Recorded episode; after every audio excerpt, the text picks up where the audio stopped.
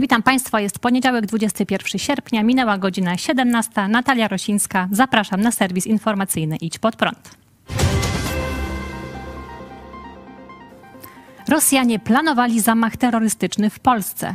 Agencja Bezpieczeństwa Wewnętrznego rozbiła grupę agentów, której celem była m.in. obserwacja polskich torowisk i wykolejenie pociągów z dostawami broni dla ukraińskiej armii. Na początku bieżącego roku w internecie zaczęły pojawiać się oferty pracy związane z rozklejaniem plakatów i antyukraińskich wlepek na terenie Polski. W toku śledztwa ujawniono, że z czasem pojawiły się nowe, znacznie bardziej angażujące zadania do wykonania przez zrekrutowanych agentów. Zakładały m.in. obserwację budynków wojskowych, zwiat ruchu morskiego w porcie w Gdyni czy rozmieszczanie kamer wzdłuż trakcji kolejowych. Polski wywiad uważa, że zleceniodawcą był rosyjski główny zarząd wywiadowczy GRU, a udaremniona operacja stanowiła zarówno dla Polski i NATO najpoważniejsze zagrożenie ze strony Rosji od momentu inwazji na Ukrainę.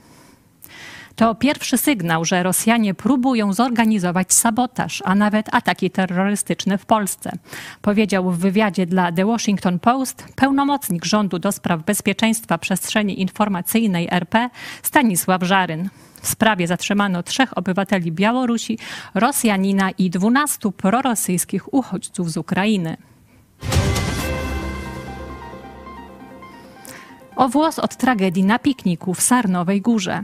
W niedzielę 20 sierpnia podczas pikniku wojskowego w Sarnowej Górze doszło do zerwania linii energetycznej przez przelatujący policyjny śmigłowiec Black Hawk. Do zdarzenia doszło po godzinie 17, gdy maszyna wzbiła się w powietrze. W wyniku niefortunnego manewru pilota helikopter zerwał przewód linii wysokiego napięcia, którą na szczęście prąd nie płynął. Linia spadła na zaparkowane samochody i miejsce, gdzie stało kilka rodzin z dziećmi. Pozostali uczestnicy imprezy przebywali znacznie dalej, na pobliskiej drodze.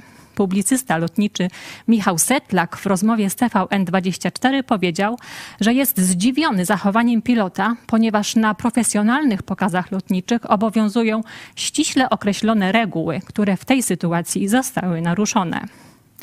Nie wolno latać nad publicznością. Na filmach z tego zdarzenia widać, że śmigłowiec wykonuje przelot bezpośrednio nad ludźmi i to na bardzo małej wysokości.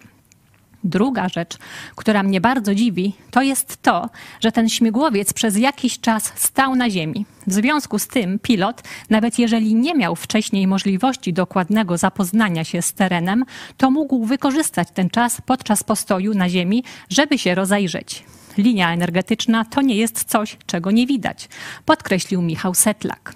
Publicysta zwrócił uwagę również, że wybór miejsca na organizację pikniku wojskowego był nietrafiony. To nie powinno się odbywać w pobliżu linii wysokiego napięcia.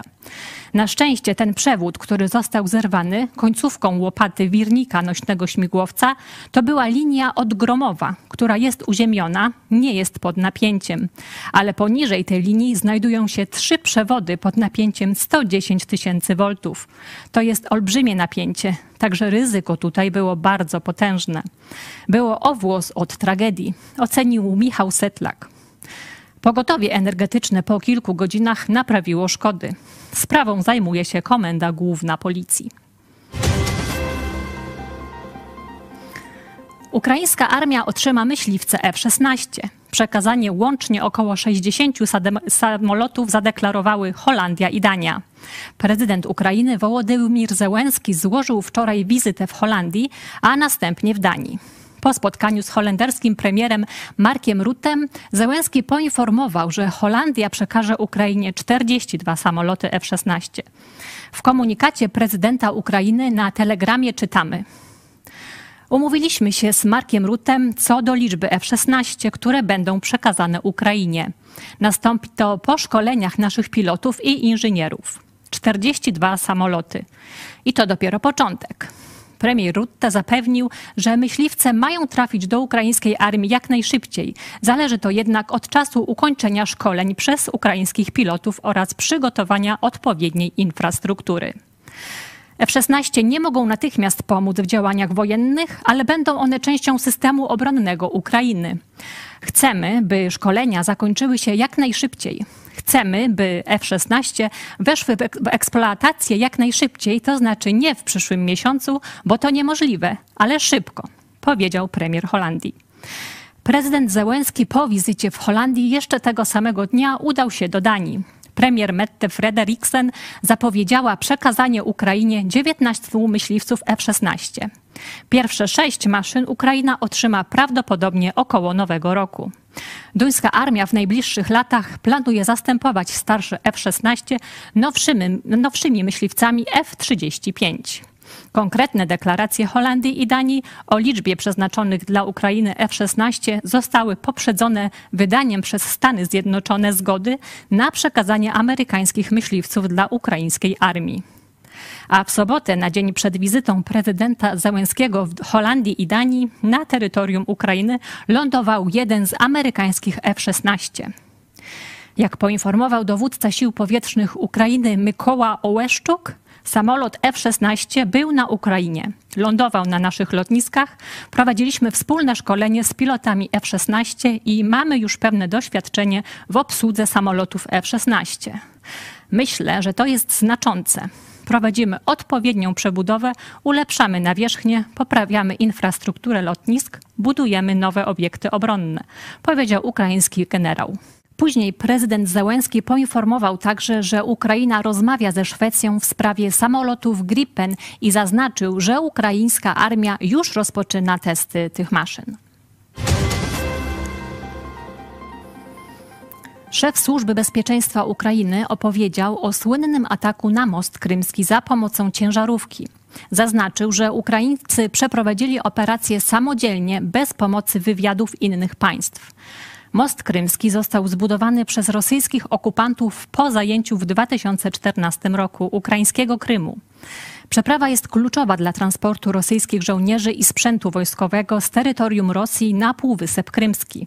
Służby specjalne Ukrainy dwukrotnie doprowadziły do poważnych uszkodzeń mostu krymskiego w październiku ubiegłego roku, a następnie w lipcu bieżącego roku. Szef ukraińskiej służby SBU Wasyl Maluk w wywiadzie dla ukraińskich mediów ujawnił nowe szczegóły dotyczące ubiegłorocznego ataku. Wskazał, że ciężarówka, która spektakularnie wybuchła wówczas na moście krymskim, była załadowana zbiornikami wysoce, z wysoce wybuchowym materiałem heksogenem. Zbiorniki zostały owinięte warstwami folii cel celofanowej, aby ukryć ładunek przed skanerami. Szef SBU poinformował, że ilość użytego heksogenu odpowiadała 21 tonom trotylu. Eksplozja doprowadziła do zawalenia fragmentu drogowej części mostu i do pożaru na jego części kolejowej. Rosjanie byli w stanie wznowić ruch, ale z wyłączeniem jednej z jezdni, co na jakiś czas ograniczyło możliwości transportowe mostu.